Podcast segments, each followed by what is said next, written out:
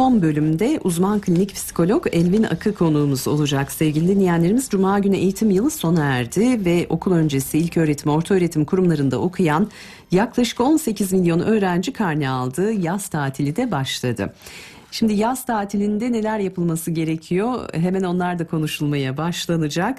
Ama karne ile birlikte bazı evlerde hem sevinç mutluluk olacak bazılarındaysa üzüntü olacak. Ee, her iki durumda da aileler e, ne yapmalı? Ee, bazen aşırıya kaçan tepkilerimiz olabiliyor. Ee, bu konuyu konuşacağız son bölümde konuğumuzda. Hoş geldiniz yayınımıza psikolog Sayın Elvin Akı. Merhabalar, hoş bulduk. İyi yayınlar diliyorum öncelikle. Çok teşekkür ediyoruz. E, karnede yüksek ödül ceza ile aynı etkiyi yapabiliyormuş. Nasıl yapıyor? Detaylarını alalım sizden. Evet, şimdi çocukların aldığı karnelere karşılık olarak ebeveynler zaman zaman çok yüksek tepkiler verebiliyorlar. Özellikle e, beklenmeyen sonuçlarla, beklenmeyen sayısal değerlerle karşılaştıklarında. Bu durum tabii e, ebeveynlerin verdikleri ani tepkiler ve bazen hatta anne babaların öfkeleri ciddi anlamda çocuklarda e, kaygı ve üzüntüye sebep olabiliyor. Biz aslında istiyoruz ki e, çocuklara ödül veya cezadan daha çok e, yaklaşımlarını sevgi dolu ve ilişki içerisinde olan, olumlu bir ilişki içerisinde olan bir bağ kurmalarını istiyoruz. Şimdi e, çocuğa zayıf noktalar nedeniyle ceza verilirse aynı aşırı tepkiler göstermek, e, öfkeleri sunmakla benzer bir etki yaratıyor. E, aşırı ve maddi yüksek ödüller de çocukta aslında motivasyonu kamçılayan, e, destekleyen bir yaklaşım biçimi değil. Çünkü biliyoruz ki yüksek ödül verildiğinde veya e, herhangi bir nedene bağlı olarak işte bir notun e, iyi gelmesine yönelik ya da tamamen karne, karne notunun iyi gelmesine yönelik bir neden sunulduğunda çocukta içsel motivasyon geliştiremiyoruz. Yani çocuk başarı odaklı olmuyor sadece ödül odaklı gidiyor.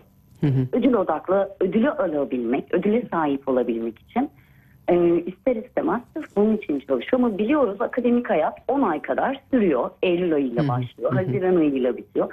Ama hiçbir motivasyon tek bir ödüle bağlı olarak 10 ay boyunca devam edemez. Doğru. Yani eğitimin aslında ödüle bağlanması e, çok kritik bir konu.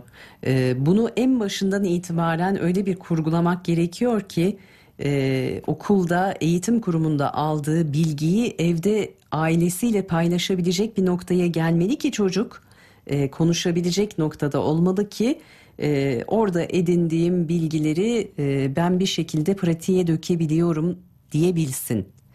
Ama değil mi? Öğrenebilmesi adına. Öğrenebilmesi adına. Bilgiyi öğrenebilmesi. Hı hı. Bu sefer ödül odaklı olduğunda bilgiyi sadece öğrenmek için değil aslında sadece o ödülü elde edebilmek amaçlı çalışıyor. Tabii. Ee, şimdi sınavlar da aslında e, bu noktada kritik bir e, anlam ifade ediyor. E, orada da sadece sınav başarısını yakalayabilmek adına ezberlemek noktasına geliyoruz. Evet. Onu da aşabilecek bir çözüm yolu bize önerebilir misiniz?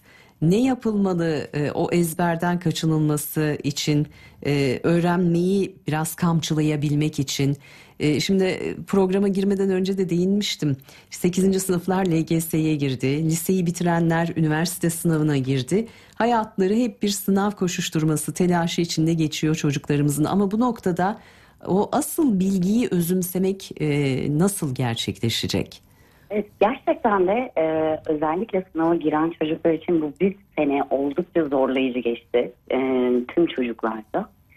E, ancak burada dikkat edilmesi gereken nokta belki de bu yaz döneminde yazın sonlarına doğru ya da hem karneler alınmışken hem aileler sonuçlarla karşılaşmışken aslında öncelikle çocuğu dinlemek gerekir. Bu sonuçlarla ilgili çocuk ne düşünüyor?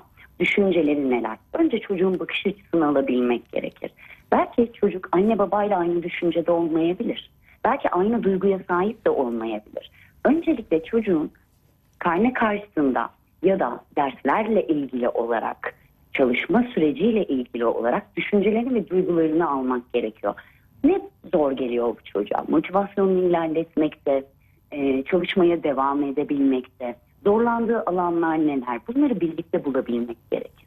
Ama öncelikle çocuğun fikrini almak, onu gerçekten dikkatlice dinleyebilmek. Yani bir tabirimiz vardır ya can kulağıyla dinlemek Evet. diye. E, can kulağıyla dinlemek gerekiyor. Çünkü eğer ebeveynler çocuklarını dinleyebilirlerse aslında sorunun kaynağını bulabiliyorlar genel olarak. Hı hı.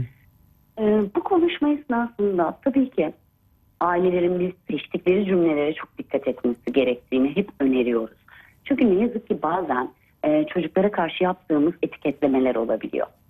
Ah. İşte, Sadece çocuklara karşı mı? Biz yani toplum olarak o kadar etiketlemeyi seven bir toplumuz ki ben e, hayretler içinde izliyorum bu durumu.